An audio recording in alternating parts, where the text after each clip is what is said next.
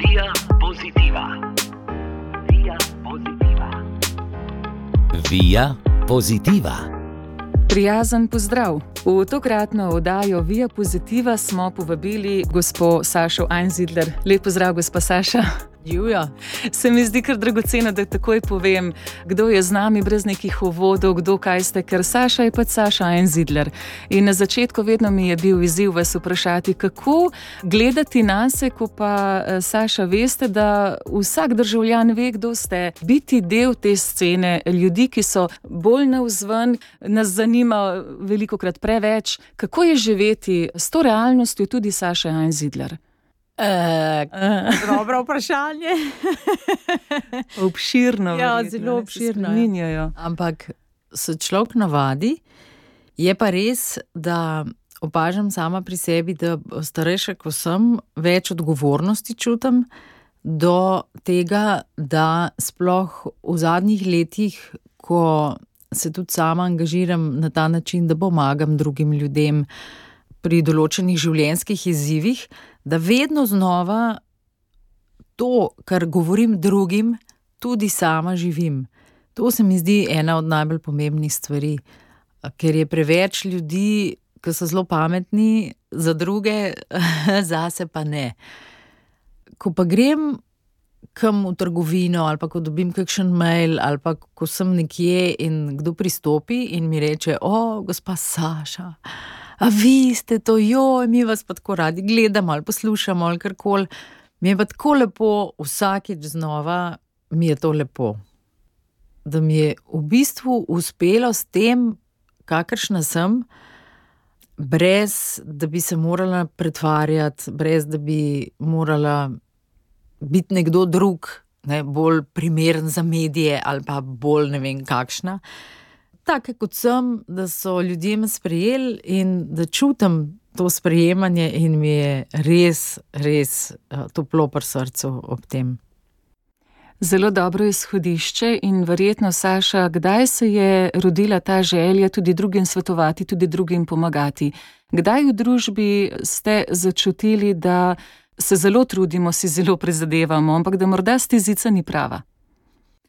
No, prve, prve te korake sem začela delati potem, ko sem zapustila televizijo, oziroma je televizija zapustila mene, ampak to je nova tema, ki ne bo odpirali. Uh, Ko sem začela pre- prenašati znanje javnega nastopanja na druge ljudi, ker sem videla, da res je veliko treme, neznanja. In takrat, pred leti, niti ni bilo še toliko moderno, uh, znati dobro nastopati. Uh, No, kasneje se je pa zgodilo, da sem jaz sama v svojem življenju potrebovala pomoč um, in si jo tudi nudila. Ne, um, Potem pa so me te teme, tega, tega osebnega zadovoljstva, osebne rasti, so me tako posrkale, ker sem videla, koliko kolik prostora ima vsak od nas za neke izboljšave, za to, da se zjutraj zbudiš bolj zadovoljen, bolj srečen, bolj poln energije. In ko sem poskušala, oziroma ko sem se učila zase, sem videla, da s tem znanjem, ki ga pridobivam, lahko pomagam tudi drugim ljudem. In tako so se potem začela rojevati moja ostala izobraževanja oziroma delo z ljudmi, um, od coachingov do mentorstev in tako naprej. Um, no, mislim pa, da namigujete na ta zadnji projekt. Ja, malo. absolutno. Se bi sama zdaj dodala, da je najna osrednja zgodba tokratnega srečanja zagotovo prva digitalna, če se ne motim, oddaja eh, v plusu. Zelo vabljiv naslov, direkten, naravnost pove, eh, kaj in kako, osebnost narast v povezavi z neko finančno varnostjo, ker vemo, lahko se priznamo. Če ostanem brez vsega, seveda se porajajo strahovi, eh, kaj bo z menoj. Že koronavirus, ko je nastopil pred dvema letoma, v glavnini tudi uspešni ljudje, kot tisti, ki komaj preživijo iz meseca v mesec, vsi smo trčili ob te strahove, kaj bo z nami, kako bo zdaj s finančno varnostjo, bomo preživeli, bomo lahko dali kaj v lonec. Je zanimivo, ker smo ljudje vendarle med redkimi na tem svetu, ki dobro živimo, razmeroma v dobrem ugodju, ampak prvo vprašanje se zgodi to ob neki spremembi. Kaj ni zanimivo, ne gremo postopoma, kot rastemo postopoma, ne gremo postopoma v negativo, v neke strahove, ampak v strah trčimo v trenutku, zakaj ta globina in ta propad. Strah je sploh eno tako čustvo, ki je v bistvu zelo prvinsko. Strah nam je na nek način tudi eh, človeštvu pomagal preživeti. Tako da strah sam po sebi ni nujno slab. Sveda, strah me je iti čez cesto, če vidim, da švigajo avtomobili in to je dober strah, ne? ki mi v bistvu prepreči, da uh, ne grem narediti neke neumnosti. Ampak uh, ta strah, s katerim se pa zdaj soočamo, je pa druge vrste. Namreč na, naš umski sistem je narejen tudi tako, da nas je zelo strah neznanega. In ravno v tem srečanju s tem novim virusom, ker nismo vedeli ničesar v zvezi z njim, je um, zato bil tako ogromen strah. Kaj ti to je bilo zdaj nekaj, česar ne poznamo in česar ne poznamo, tistega nas je strah. Uh, potem pa seveda še vse to, kar ste omenili. Um, kako bo zdaj z mojo službo, kje bom zdaj jaz dobila denar za kredite, za preživeti sebe, družino, karkoli in kogarkoli. Skratka, en cel kup strahov, ki nam pa nažalost pri tem, da bi se skopali ven iz njih, čisto nič ne pomagajo. Kaj ti, dokler smo mi na tem nivoju strahu, ko razmišljamo in ne vem, razmišljamo o nekih dejanjih, ki jih bomo naredili, ampak poganja ta naša dejanja, ta strah, potem to niso dejanja, ki nam prinašajo dober rezultat. Nikoli. Ne? Dobro, spet ne govorimo o tistem strahu, ki mi prepreči, da grem čez avtocesto Ne, Zelo dobro razumemo. Strah je dobro čustvo, je ja. nek alarm, ampak ne sme biti pa strah tisti, ki narekuje rešitve. To pa ne. Ne, nikakor. Ja. Saša, kako je sploh prišlo do ideje za oddaje v plusu? Predtem je pa vendarle še dobro, da povem, no, ste licencirana trenerka uspešnosti, mednarodna trenerka, persolog osebnostnega profila. To so res takšni zanimivi izrazi, komunikacijska trenerka, svetovalka, medijatorka, motivacijska govorka. Koliko izobraževanj? ja, res stara ja. dovednost, to znati še več, znati še bolje, usvajati nove metode, ker tudi metode se spreminjajo, ker so potrebe mm. drugačne. Mm. Kako uporabna so ta znanja? Ali v vseh teh metodah vendarle, kako vam to uspe premisliti, pa izluščiti bistvo? Ja, res je. V preteklosti sem nekaj časa prav bolestno letala iz enega izobraževanja na drugega, po vseh koncih sveta, pravzaprav ne mm. samo pri nas. In uh, v nekem trenutku sem ugotovila, da pravzaprav veliko novega, ko nekam grem, sploh ne slišim več. In to mi je bil nekako znak, da mogoče bi bilo pa dobro zdaj vse to znanje spraviti pa na kup, pa, pa ga začeti resno uporabljati, pa skreirati nek svoj pristop, zato ker vsak od nas je edinstven. In uh, jaz verjamem, da tudi dva, ki uporabljava neko isto orodje, da ga uporabljava čisto na, na svoj svojstven način. In tako sem pač jaz iz vseh teh mojih izobraževanj zdaj izluščila eno metodo, za katero sem ugotovila, da je najhitrejša in najbolj učinkovita metoda, kako spremenjamo določena prepričanja znotraj sebe, in to sem poimenovala hipnotransformativni coaching. In to je zdaj moja najljubša metoda, um, s katero res, res pomagam ljudem, da lahko naredijo aha, trenutek čez noč. Pravzaprav.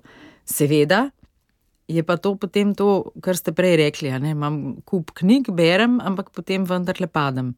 Seveda se spremembe v ljudeh ne zgodijo čez noč. Zgodi se aha trenutek. In ta aha trenutek mi pomaga, da razumem, zakaj se mi nekaj v življenju dogaja, in potem, ko prihajajo novi izzivi v moje življenje, iščem moč vedno znova v tem mojem aha trenutku. In tam črpam potem torej to svojo moč, da nadaljujem začrtano pot, In ko določen čas hodim po poti, ki sem si jo zadala, se moj um navadi na to novo pot in to postane moja nova normalnost. A sem povedala tako Zelo da da dobro. razumeti? Kljub vsemu, možgani so na vse zahtevni, ampak vendarle, hvala Bogu, se pa v nekaj tednih rednega ponavljanja že začne spreminjati ta miselni proces, tako kot se od sladkorja odvajamo. Ja. Pravijo, po nekaj tednih, če se res vzdržimo, ne čutimo več te želje po sladkem, celo neprijeten nam postane ta okus. Še dobro. Ja. Nam je dana ta možnost preobrazbe, ki je torej uresničljiva. ja, tako. Saša Einzidler, tri izjemne dame z bogatimi življenjskimi izkušnjami, Andreja Iljaš, vi in pa Ana Vezovišek ste torej začele z oddajo v Plusu, prvo slovensko digitalno oddajo o finančni pa osebnostni preobrazbi. Ja. Kako je prišlo do te ideje, kaj je družba klicala, da ne samo osebnostno, kot smo že prej rekli, ne samo finančno, pa nam tam nekaj manjka, ni, ni, nismo celostni, kako je prišlo do tega in da ste to izpeljale? Ja, res. Enkrat sva z Ano sedeli pa se pogovarjali o, o prostoru, ki sem ga jaz najela. Tako pač situacija, ki pravzaprav ni imela nobene veze s tem, kar se je potem rodilo, ampak kot bi se morali mi dve z Ano srečati. Kot da bi morali se usesti in se začutiti, in si bili eh, takoj so, si bili simpatični, in se pogovarjati o tem, kako je veliko ljudi, ki sicer imajo denar, ampak ga zgubijo, eh, ali pa ne znajo z njim ravnati, ali pa so ljudje, ki nimajo denarja, pa si kupujajo stvari, ki si jih ne bi mogli privoščiti. In tukaj sem jaz takoj, seveda, prepoznala določene vzorce oziroma določene, določena prepričanja o sebi, o svetu in tako naprej, ki jih taki ljudje nosijo v sebi, in smo rekli za eno, joj, mi dve bi morali združiti najno znanje. In potem smo obe utihnili in rekli, ja, zakaj ga pa ne bi? in Ana je sploh uh, ženska akcije, in smo takoj imeli potem že naslednje sestanke, kjer so ugotovili, da to bi bilo pa najboljše, da bi posneli, tako kot so ti ne, resničnostni šovi, ki jih največkrat ne gledamo, zato ker nimajo neke vsebine. Tokrat bi pa naredili resničnostni šov, kjer bi pokazali na konkretnem primeru konkretnega slovenskega človeka, uh, kako se da v nekaj mesecih narediti to transformacijo, to pre, preobrazbo iz minusa v plus. Tako da potem smo povabili Andrejo iz Hiše idej in nastala je oddaja v plusu. v kateri prepoznamo tudi svoje vzorce vedenja, ker ne vem, kdo mi je že dejal, da smo Slovenci finančno zelo podhranjeni. Ja, zelo. Ne vem, odkot eh, tudi to nezaupanje, najraje bi imeli kar kupček denarja še nekje pri sebi, kot stoletja nazaj. Bojimo se teh finančnih priložnosti. Ja, tudi. Jaz sem raziskovala, zakaj je toliko ljudi, ki živijo res od, iz meseca v mesec, ali pa zakaj je toliko ljudi, ki pravzaprav živijo nad svojimi zmožnostmi. Pa sem prišla do tega, da imamo pri nas zelo veliko takih pregovorov, ki utrjujejo to miselnost, da je do denarja silno težko priti, da denar ne raste na drevesih, da ne moreš imeti vsega, torej ne moreš biti in zdrav in imeti denar, eh, da je denar umazan, da bogati ljudje eh, so slabi, da ne, tri pikce. In seveda, um, naša podzavest deluje na ta način, da če imam jaz prepričanje, da če želim zaslužiti denar, da se moram izjemno matrati za to, da se moram zgarati za to, da zaslužim tisto plačo, potem seveda moj um. Meni ne bo mogel pokazati drugih priložnosti v življenju, kjer bi jaz mogoče lahko zaslužila nekaj na en tak lahkotnejši način, ne? da bi se zraven imela celo lepo. Tako pa veliko ljudi, zelo veliko ljudi hodi v službe. In se zjutraj, ko se zbudijo, si rečejo, da sam še en dan, pa bo petek, sam še. A ne, težko, ampak, veste, to je en velik del našega življenja, ki ga preživimo v neki službi, za katero imamo potem še občutek, da smo premalo plačani. In smo jezni, na, na cel svet, ne? ampak ne pogledamo pa vase, kaj pa jaz razmišljam, kako pa jaz mislim, zakaj pa sem jaz še vedno v tej službi, če je tako mal plačana. A mogoče verjamem, da si ne zaslužim kaj boljšega, a mogoče mislim, da se ne da, a mogoče mislim, da nisem dovolj sposoben, sposobna. In tako naprej. Uh, no, seveda so pa tudi drugi ljudje, ki pa nimajo dovolj denarja, pa vendar se zadolžujejo, kupujejo stvari, um, ki so nad njihovimi zmožnostmi, samo zato, da bi se pokazali pred drugimi, da bi bili občudovani, in s tem pa jasno, da samo prikrivajo to, da sami v sebi se pa ne počutijo tako. In zato je treba s temi materialnimi dobrinami navzven se pokazati, da ja, ne bi kdo videl, da znotraj mene sem pa nesrečna, nezadovoljna, neizpolnjena in tako naprej. No, in um, to počnemo v teh oddajah, ki so uh, brezplačno na ogled na YouTubu. In res zelo srčno vabim vse, da si pogledajo kandidatke, ki so šle skozi ta proces pri Ani in pri meni, in pa eno posebno gostjo, no, smo si tudi izbrali še za četrto oddajo, da si lahko poslušalke in poslušalci pogledajo te oddaje. Na YouTubu, preprosto v plusu, Tako. in dobimo povezave. Ja.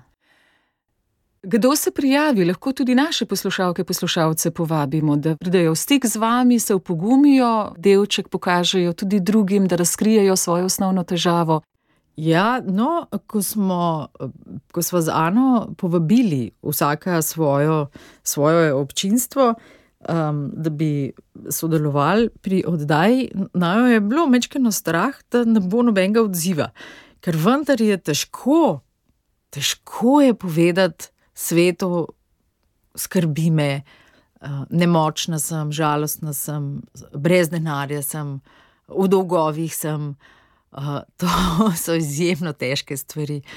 Ampak uh, so se prijavili ljudje, tako da smo morali kar izbirati. Ne?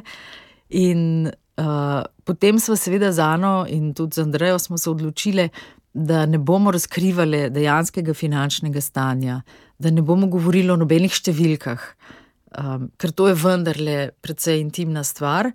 Uh, seveda smo se pa pogovarjali o, o tem, da dolgovi so, um, da je potrebno voditi ne vem, nek budžet svoj, da je potrebno točno vedeti, koliko je.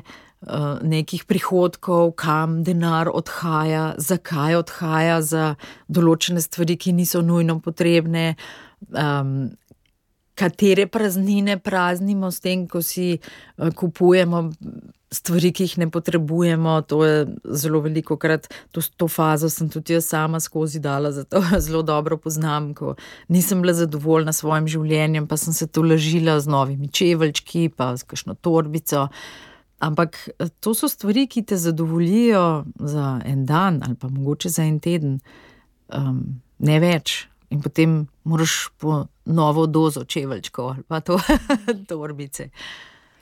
Saša Enzidler je tokrat naša sogovornica v oddaji Via Positiva, sama pa ustvarja skupaj še z dvema damama, Andrejo in pa Ano, oddaje v plusu prve digitalne vdaje v finančni, tudi osebnostni preobrazbi. Eh, Saša, glede na vaše raziskovanje, tudi tolikšne treninge, ki ste jih upravili in pridobili več licenc, eh, vas je zanimalo, kaj dela nekatere uspešne, ne druge pa ne. In če obstaja neka univerzalna metoda, ali način, ki bi lahko deloval, kljub temu, da se različno odzovemo, da smo različni karakteri, da imamo različne tudi te vzorce, kaj vse smo poslušali v družini, a ne tisti, ki ima denar, je zagotovo slab človek in mhm. podobne neumnosti.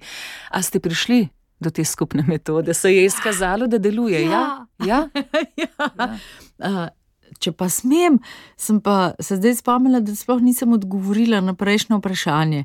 Uh, namreč, ja, seveda, uh, vabilo poslušalcev. Seveda, vabljene poslušalke in poslušalci, da se prijavijo. Poglejte na spletno stran v plusu.si in je tam tudi ta prijavni obrazec, in mi bomo zelo veseli, uh, če se bo kdo opogumil in delil svojo zgodbo z nami, ker uh, meni men je to, meni osebno, je to, da ljudje delimo svoje zgodbe drug z drugim, da nas ni sram, da nismo vse čas v plusu, kakršnem koli že. To se mi zdi ena najbolj dragocenih stvari. Da vidimo, da smo popolnoma vsi krvavi pod kožo, ranljivi, šipki, da se jokamo, da podvomimo, da nas obidejo strahovi. Ampak um, takrat, ko to podelimo, se mi zdi, da je že narejen en korak k temu, da, da obrnemo to pot v plus. No. Ja. Se večkrat vprašam, zdaj je bilo čudovito izhodišče danes, sej ne bom pozabila tudi na prejšnje vprašanje, ker me ravno tako zanima, kaj je zdaj s tem načinom, z nekimi principi, ki vendarle delujejo, ne glede na različnosti, eh, zakaj se tako obremenjujemo s to podobo, ali je to tudi nekaj, kar vlečemo nazaj iz preteklih generacij. Joj. Pa da nas je kar strah priznati, vem, kadar se dva srečata, pa steče neka iskrenost kar odlušči se nekaj nepotrebnega in zacvetiš, vse problemi niso nič manjši. Ampak uh -huh. zakaj, ne, z, zakaj ne zmoremo vstopiti v nek drug način komuniciranja, drug z drugim, tako lepo rečemo, se delamo boljše, lepše. To je tako zasidrano v to družbo. Ja, zelo. Hrumi, hrumi nas. Ja, zelo. In kakšno olajšanje je res. Ja. Um, da jaz vedno tudi na treningih komunikacije rečem, ko se srečaš z nekom, upaj si ti prvi biti odprt in iskren. In jaz veliko krat povem, kakšno stvar o sebi, pa mi prej kolegica, kako si, in mi reče, o, super, odlično, in potem jaz povem za neko svojo težavo, naprimer. In ona utihne in reče: Joj, se veš, to se je meni tudi zgodilo, se je ravno zdaj sem v slabi koži. Ampak njen odgovor pa na kako si, ja, super. In to je tudi ta trening, ki ga imamo od malega, da so to stvari, o katerih se ne govori, da so to naše stvari, da kaj si bojo pa drugi mislili. In pri nas se mi zdi še vedno miselnost, da v trenutku, ko jaz pokažem neko svojo šibkost, da um, s tem pokažem, da nisem dovolj dobra, da nisem dovolj do, vredna, da nisem v redu, da um, nisem uspešna. Ampak to je daleč od resnice. Uspešen človek, če se pa zdaj malo vrnem na uno vprašanje prej, je tisti, ki si upa pokazati in povedati in si priznati neko svojo šibkost ali pa ene svoje strahove. Zato, ker samo In izključno samo takrat, ko mi uspemo prepoznati te stvari, šele takrat se lahko začnemo ubadati z reševanjem, ne prej. Pa veliko krat se upravičimo, tudi če potožim, če je stiska tako velika, da me povsem prevzame, seveda zelo hitro. Potem tudi izide iz mene, ker to pa sem, to mislim, to doživljam in se hitro pod navednicami izdam. Ko vem, ko, ko se zaslišim, da, da tožim, da me nekaj teži, jojo, prosti, zdaj sem ti pa dan pokvaril. Ja. In, in res si rečeš, ja, čemu potem sploh začneš. Mislim, ta, ta naša negotovost nas meče levo, desno, bi bili radi iskreni, radi bi podelili, po drugi strani si mislimo, kaj zdaj to, bom pa drugemu dan pokvaril, ja pa mu življenju druge. obremenjeval. Ja, ja, Ja. Ampak dejstvo je, da ljudje smo tudi zato, da smo drug za drugega. In dejansko od enega pogovora, ko ti nekoga srečaš. In, oh, kako si, ja, oh, pa ta korona, a ne, ja, grozna. Ja. Ne, da, da, da, uh, ali pa od pogovora, kjer greš vendarle mal pod te maske in mečkeno v globino, od katerega pogovora si ti bogatejši, katerega pogovora se ti spomniš naslednji dan. Ja, tistega, ki si se pogovarjal o nekih ne, površinskih stvarih, zagotovo ne. Dotikajo se nas pa te stvari, um, naše, iskrene, drug od drugega, in eh, drug od drugega se lahko ogromno naučimo. A, ogromno si lahko pomagamo, že samo s tem, da se poslušamo. Jaz vidim, ko delam z ljudmi, kako dragoceno je to, da samo sem, da sem samo ljubeča prisotna, poslušam in ne sodim. Je pol, je pol je že narejenega. Samo da človek lahko dobi nek, um, nek čas, neko pozornost, eno varno okolje, da lahko nekaj pove. In da ga nihče ne obsoja. To je nekaj prečudovitega. Saša Najzidler, ko ustvarjate vdaje v plusu, kakšno je to ravnovesje? Eh, bi lahko, recimo, gospa Ana svetovala samo finančno, brez da bi vi dodali svoje znanje tudi na področju osebnostne rasti, neke preobrazbe? To ne deluje. Eh, zakaj je dobro, da usporedno z obojim delamo? Se kdaj zgodi, da kdo misli, da je osebnostno kar stabilen, mogoče samo nekaj več finančnih nasvetov in obratno, nekdo finančno dobro uspeva, pa se mu zdi, da sem srečen, zadovoljen, uh -huh. pa se niti ne preznava nekih osebnostnih, ne šibkosti, ampak da tam pa ne raste dovolj. Uh -huh. Ja, velikrat se zgodi. Me zanima ta dopolnitev, kako se je zdaj to izkazalo. Ja, zelo velikrat so. K temu so malo nagnjeni moški, bolj se mi zdi, da se uh, zakopljajo v delo, da cele dneve delajo, delajo, delajo, doma je pa družina ne, in oče je zelo odsoten, potem pa seveda, ko se žena pritožuje. Reče mož, pa kaj bi še rada, ne vidiš, da se matram, se za koga pa delam, se to delam za nas, za družino. In um, na ta način jaz to vidim od zunaj, ne, kot opazovalka, da je to bežanje od določenih stvari in določenih korakov, ki bi jih moral narediti tudi osebnostno. In moram pa z velikim zadovoljstvom povedati, če to. Jaz sem, um, zdaj, ko sem ravno moške omenjala, veliko let se ukvarjala samo z ženskami in z žensko samo podobo. Zavedanjem vlastne vrednosti, s tem, da smo sami sebi veliko krat samoumevne, da se ne cenimo dovolj, in tako naprej. Zadnji, zadnji čas, pa k meni prihajajo moški moški, ki imajo podobne težave kot jih imamo ženske, nekatere, no, vse tudi ne vse, ampak velika večina žensk.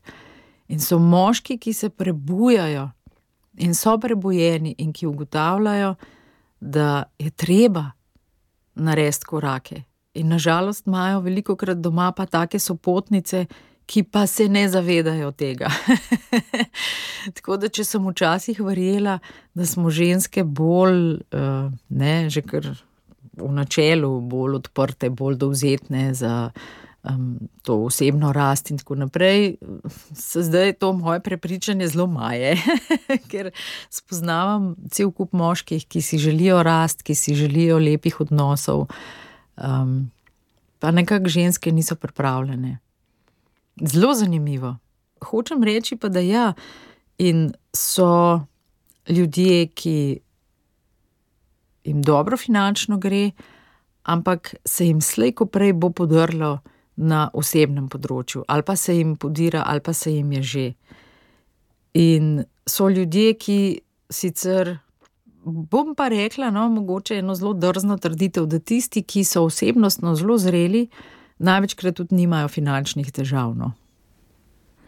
Da se morate zavedati prav tega, o čemer smo prej govorili, toliko je moj finančni doseg, to je to. v sklopu ja. tega si zna urediti zadovoljivo, izpolnjujoče življenje. Ja, povabiva poslušalke in poslušalce, in zakaj bi se odzvali, se prijaviti, se upogumiti in biti v plusu. Kakšen je izplen? Ja, izplen je, kolikor si ga dovolim izpleniti.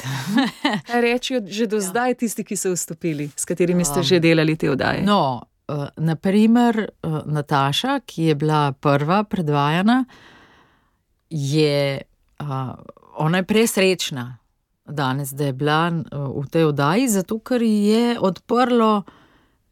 Polje priložnosti, polje možnosti, zdaj, ko spremljam na družabnih omrežjih, ona cveti, tudi ukvarja se z malce s tem vrtnarstvom, obrazovanjem, urejanjem okolja in tako naprej. In kot da cveti med temi rožicami in s tem delom, ki ga dela.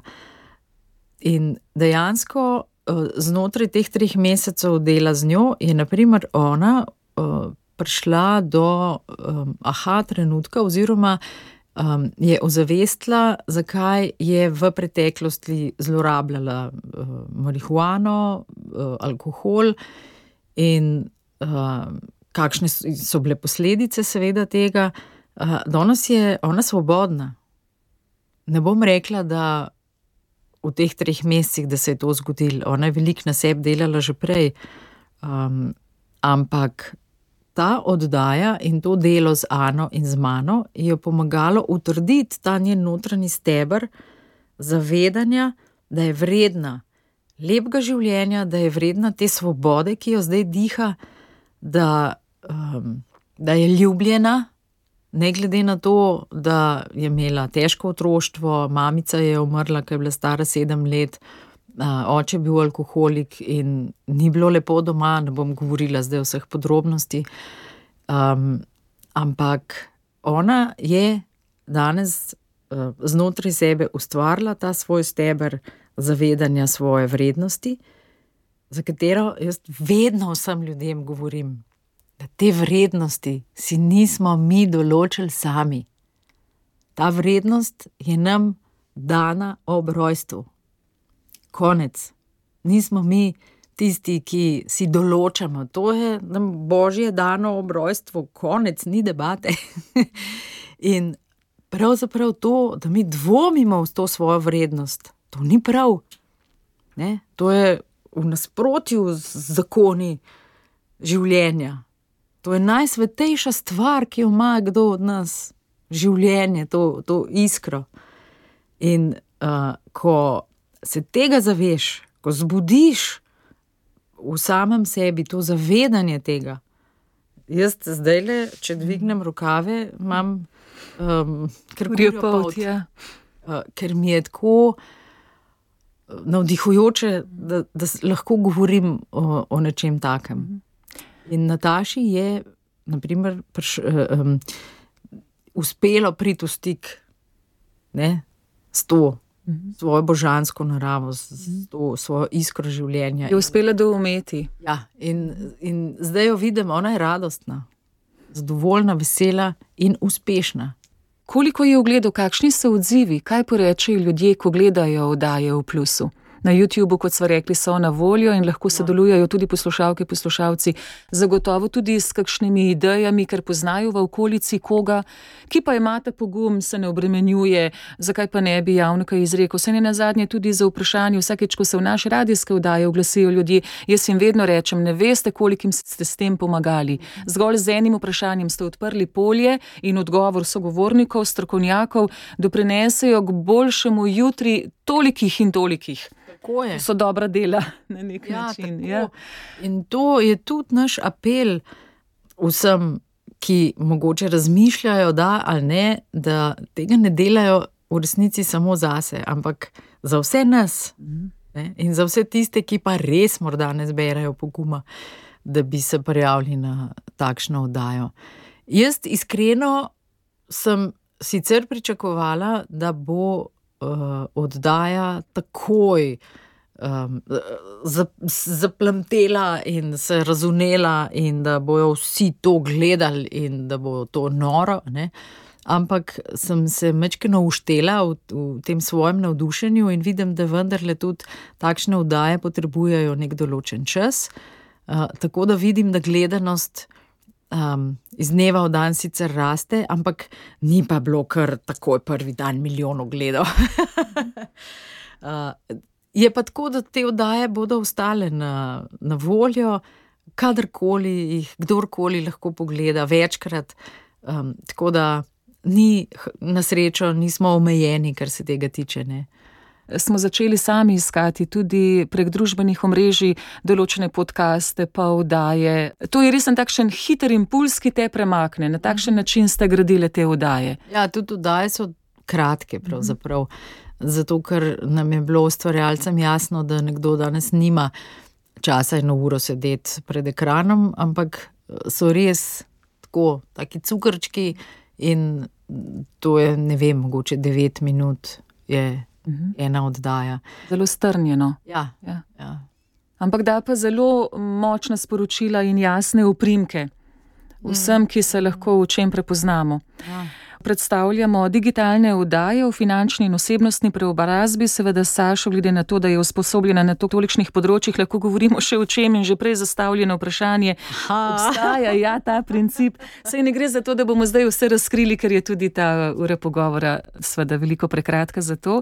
Tudi Saša, vi ste leta in leta svojega študija dela vložili v to, da ste prišli do tega nekega principa, do nekih načinov, ki delujejo, ki lahko delujejo za vse.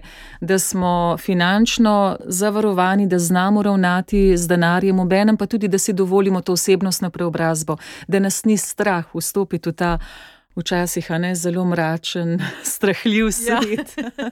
ker je lažje živeti z neko lažno podobo o tem, kdo sem. Mm. No, jaz moram povedati, da um, kar se moj, mojega osebnega dela, finančnega tiče, Aha, to... tudi poiskala pomoč pri Ani. Oziroma, takoj, ko smo se spoznali, sem prepoznala to, da bi bilo to pa za mene zelo koristno. Jaz sicer sem na srečo vzgojena tako, da nisem nikoli trošila več kot. Uh, Je na voljo. Je na voljo, to me je moj oče, ekonomist, uh, lepo naučil s uh, svojim zgledom in mami, seveda.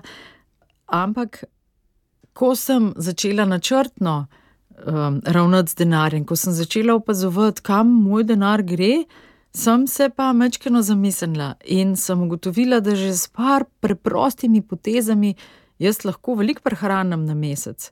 Ene dve naročnini sem ukinila za stvari, ki jih tako, tako nikoli nisem imela časa gledati, prebirati, karkoli že. Mal pogledaš te dobavitelje za elektriko, za telefone in tako naprej. Skratka, se da. Se da, marsikaj. Tako da to je ta del. Tukaj jaz nisem strokovnjak za ta del, seveda na, na srečo je Ana tukaj ta, ki je pa res odlična in ki tudi s svojim zgledom to vedno znova kaže. No, na drugi strani sem se pa jaz izmojstrila pa v tem doseganju te uspešnosti. In prvo vprašanje, ki ga vedno zastavim ljudem, kaj za vas pomeni biti uspešen? Prvo vprašanje, na katerega si moramo odgovoriti. In veliko ljudi butne, če bi imela milijon, ali pa če bi ne. Ampak vedno znova vprašam, ali je to res tvoja želja? Ali je res tvoja želja? Imeti ne vem, kakšno hišo z bazenom. A je res to tvoja želja uh, živeti ne vem kje, ali pa imeti ne vem kakšen avto, ali pa imeti ne vem kakšno službo. Ali je to tvoja pristna, iskrena, srčna želja, ali je to neka želja, ki je spet mal naučena, ne? od odzunaj. Potem pa, ko mi prepoznamo, kaj sploh je tisto, kar so naše želje, kar bi, nas, kar bi v nas krepilo naš občutek, da smo uspešni, potem je pa prvo in najbolj pomembno načelo. Vzemi odgovornost za svoje življenje v svoje roke. To pomeni, da je konec zgovarjanja na to, da je žena kriva, da je mož kriv, da je šef kriv, da je politika kriva, da je vreme krivo, da je ne vem kdo za nekaj kriv vedno imamo možnost izbire in odločanja. In vedno, jaz, ko pristajam na nekaj, ali, ali odnos, ali službo, ali karkoli, vedno jaz s tem sodelujem. Ne? In prvo pravilo, ne, vzemi torej to odgovornost v svoje roke. In največkrat se tukaj že konča, ker ljudje pa pravzaprav ne maramo sprejemati odgovornosti, ker je toliko lažje reči: Jaz nisem noč kriva. Ne, šef je tak. Če bi bil pa mož malo bolj prijazen, pa bi bila pa jaz tudi. no, uh, in če mogoče samo še par stvari dodam k temu, da uh, se ne bo tako grozen končala ne, s to odgovornostjo vedno je treba vedeti, kaj je tisto, kar si želim, zato da svoje sanje, svojo energijo lahko usmerjam k temu, kar si želim, kajti to mi pomaga, da odvračam pogled proč od tega, česar si ne želim. Mi smo pa nažalost narejeni tako, da pridemo na prireditev in je tam dolga miza s samimi dobrotami. Same dobrote na mizi, in mi gledamo po tisti mizi, in potem zagledamo eno hrano, ki je ne maramo, in rečemo: Eh, poglej, a te le vampe so tlele nastavili, no, pa take dobrote, pa te va. In potem se pol ure ukvarjamo s tistimi vampi, ki jih ne maramo, in ne vidimo vsega tistega obilja, ki je sicer na tisti mizi. In to je ena od zelo pomembnih stvari, da opazujem svoje misli, čemu posvečam pozornost, kaj mislijo moje misli.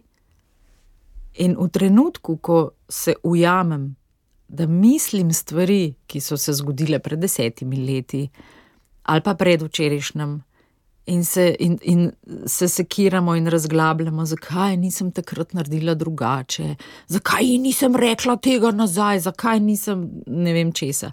Teh stvari ne moramo popraviti. To je bilo in pustimo tam, kjer je. Usmerjajmo svoje misli v ta trenutek, kajti v tem trenutku kreiramo stvari, ki se bodo zgodile jutri ali pa pojutrišnjem. Moje odločitve danes so tiste, ki kreirajo mojo prihodnost. In zavedati se, kam jaz to svojo energijo vlagam, je en ključen korak uspešnosti. In ena dobra tehnika, še mogoče. In konkreten na svet. Smo hvaležni, tako, tako previdno ja. učim, da ne bi ja. stavili tako tok misli. Čim več dobimo, večja je hvaležnost. en, uh, en dober nasvetek, ki ga jaz sama uporabljam, ko se zalotim, da premlevam kakšne stvari in se seveda ob tem počutim slabo, ne? ko se zalotim, sama sebi na glas rečem: Stop! In z roko pokažem, stop. In tudi govorico telesa se postavim, ne kot bi nekomu pred nekoga se želela postaviti in reči: Stop, dovolj. In to rečem sama sebi, in moje misli se v trenutku ustavijo, in potem rečem: Mislila boš na stvari, ki so ti všeč, in na lepše stvari, zdaj pa dovolj. In se kar malo kregam, in to deluje, deluje, deluje. In v trenutku, ko začnem razmišljati o stvarih, ki so mi lepše, ki jih imam rajši, ki so bolj pozitivne, se avtomatično moje počutje ob tem spremeni. In ko je moje počutje dobro, jaz vidim še več lepega in delujem iz tega dobrega, in ne iz strahu, o katerem so govorili na začetku. Ta moja dejanja iz, iz ljubezni, iz dobrega, so pa tista, ki se potem dotikajo drugih ljudi, ki me ponesajo v zaupanje, da, da je življenje lepo, da, tudi če sem sama, v resnici nisem sama, da, da smo drug za drugega, da imam neko više vodstvo in tako naprej. V glavnem, potem pa lahko rečem, kako sem jaz uspešna. Ja, si želimo, da bi res to prepoznali in znali usmisliti, ne, ker nekateri res ne morejo. Ampak vse več jih je, ki pa to zmorejo. Vse več jih je in ta množica se širi in tega smo veseli tudi po zaslugi vašega dela, Saša Einzidler in vam podobnih, da ne pozabim, avtorica dveh priročnikov ste tudi. Tako, in se tretji je že skoraj napisan, ampak naslov je pa razšla sva se, kaj pa zdaj. Ker ta korona je prinesla tudi toliko enih razpok in je kup izgubljenih ljudi, ki ne vedo, kako zdaj najti te koščke sebe, raztreščene uh, na, na milijon delcev. Jaz sama sem to doživela in vem, kako je to težko. In vem pa tudi, kako se da iz tega izkopati. In zato nastaja pa še ta tretji moj priročnik, Tako da to zdaj za nalašč objavljam na glas, da me bo spodbudilo, da ga čim prej končam. Ja, mi smo pa hvaležni, Saša in Zidler, za eh, to, da nimate uvir, da delite z nami in da nam tudi kažete, da smo, kot sva rekla, ne vsi krvavi pod kožo, zelo podobne občutja, mm. zelo podobne zgodbe so pravzaprav in jih imamo eh, sami seboj. Skratka, vedno pridemo do tega, da se je treba negovati. Ja. Negovati. In če sem negovana, če si nudim dobro, potem lažje sprejemam tudi ostale. Ja, primerjanje je ena od stvari, ki zelo ruši samo podobo. V trenutku, ko se primerjam, se že postavljam v podrejenost. Ja. Pa tudi odgovornost, da se ne zapustim, da se tudi negujem, dušno, telesno. To je izjemno pomembno. To je edini način, da lahko um, ostajamo. Ostajamo, da, da smo pri sebi, da smo zbrani, da smo Eh, prisotni, da smo pristni. To je edini način. Ves čas je potrebno skrbeti za to. Um, pa to ni egoistično dejanje, um, ker tudi sama sem izkusila, da sem mnogo boljša mama in eh, mnogo več lahko dam od sebe, kot se reče, kadar sem jaz v redu, kadar jaz poskrbim za to, da sem jaz dobro. Um, Takrat pa, ko nisem bila dobro, pa sem bila lahko vse dan prisotna, pa sem lahko vse dan kuhala in ne vem kaj počela, pospravljala, ampak otroci niso imeli kaj dosti od mene. Mhm. Tako da, ja, to, to je lep izraz, ja, negovati sebe. Eh, pa ne samo, ne samo uh, svoje notranjosti, ampak res poskrbeti tudi za telo. Telo je naša posoda. In treba je poskrbeti, da, da smo gibčni, da, da smo zdravi. Treba je skrbeti za to, kaj vnašamo v svoje telo. Um, jaz sem od svoje bolezni. Sem se precej posvetila tudi prehrani in kaj lahko s prehrano naredimo za, za sebe, za zdravje, za telo. In sem navdušena nad temi stvarmi. Um, ki sem jih ugotovila, oziroma razočarana nad tem, kaj vse nam v trgovinah ponujajo kot hrano, pa to sploh ni. Ampak je pač skarija. S tem, da se še, če se ne motim, ste imeli in vrt, delali ja. sami ja. doma in ta stik z zemljo. Takrat pač dame tega niso ravno počele. No? Ja. ja, vendar je pa tako, da ljudje malo čakamo, da se nam nekaj zgodi. In pravijo, da eh, so najbolj ključni triggeri, torej sprožilci teh sprememb, ločitev, smrt v družini, izguba službe uh, in bolezen. Tako da takrat smo nekako potisnjeni v spremembo, ker drugače se nam pa kar ne da. Ker je lažje kar malo ustrajati na nekem stolčku, če me ne boli ritka, še dovolj, pa ne bom ostala. Veliko smo se dotikali osebnostne preobrazbe, ker je to seveda vaš del, eh, Saša Einzidler, Ana Vezovišek pa pač pokriva to finančno svetovanje in vas kdaj preseneti, kakšne priložnosti, možnosti vse imamo. Dokaj enostavne metode, saj vmes ste že rekli, koliko ste se tudi sami naučili ob tem poslušanju, ker konec koncev tudi globalno smo upeti, sej ne gre samo za moj osebnostni eh, račun, tudi svet vpliva name, tudi kar se zdaj dogaja ne na zadnje z Rusijo. Globalno se lahko nepredvidljivo škodljive reči naredijo in nek varnostni paket, ki je res dobro, da ga imam. Ja, je čas. Predvsem pa mislim, da je najbolj pomembno to, da um, spremenimo svoj odnos do denarja. Kaj ti, tudi če bomo mi zdaj obvladali vse dogajanje na teh svetovnih finančnih trgih, pa bo naš odnos do denarja izkrivljen, nam vsa, vse to znanje ne bo kaj dosti pomagalo.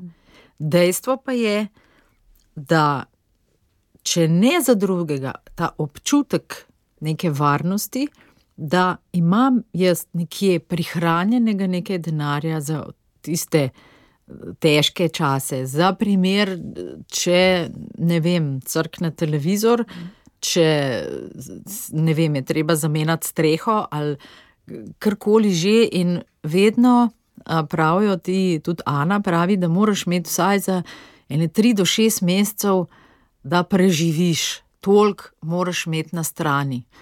In med korono se je to zelo lepo pokazalo, koliko ljudi tega v resnici nima. Kaj ti, naprimer, estradniki, kulturniki, vsi ti ljudje, ki so bili odvisni od teh prireditev, javnih dogodkov, vse to je bilo zaprto.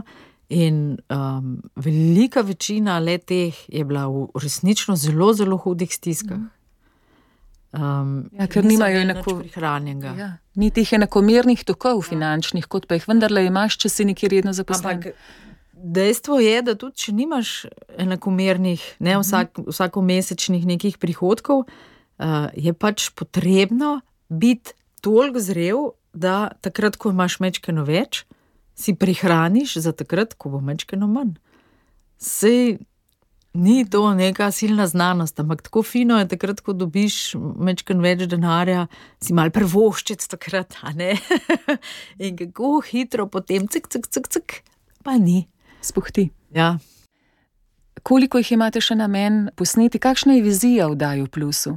Bomo seveda povabili spet ljudi, da bi se vključili v oddajo, in potem bomo šli, če bo vse po sreči, s snemanji in z delom naprej. V plusu je vdaja, oglejte si jih in vabljeni, da v njih tudi sodelujete o finančni in osebnostni preobrazbi. Saša Einzidler, marsičem bi lahko še in še razpredali. Zdaj je tu post, date kaj na te, da si kaj učkrtnemo, oziroma da pa je česa tudi več, ne na zadnje. No, se ni treba, da post povezujemo vedno samo z minusi, da se nečemu odrečemo. A date kaj na ta posebna obdobja? Uh, ja, sem veliko let tako različne poste si zadala, ne vem, da nisem jedla kruha, da nisem pila kave, zdaj tudi ne pijem kave. Pa, uh, spomnim pa se tudi, da sem eno leto si zadala, da se ne bom pritoževala. O, ta je težka. In uh, sem se zalotila, potem ko sem se opazovala, in jaz sploh nisem imela zase občutka, da se jaz kaj pritožujem. Meni se je zdelo, da se nikoli, jaz se pa res ne pritožujem. No, pa sem se kar ujela. in ta uh, mi je bila kar taka, da jo kar priporočam. ja. Ta je za nas tako rado kritična slovence, kot je Žak Oreh. Saša Einzidler, ja, bo treba nehati počasi, čeprav kar ne neham in ne neham. Iskrena hvala za to radijsko srečanje. Zelo prijetno vas je poslušati, še lepše, če vas tudi vizualno gledamo, da dopolnjujete to svojo dobrohotnost tudi s tehtno besedo, premišljeno in pa zelo izkušeno. Hvala lepa in blagoslova v življenju. Ja, hvala, hvala za vabilo. Sem zelo počaščena, da sedim tule z vami v tem studiu. Enako, hvala. Via positiva. Via positiva. Via positiva.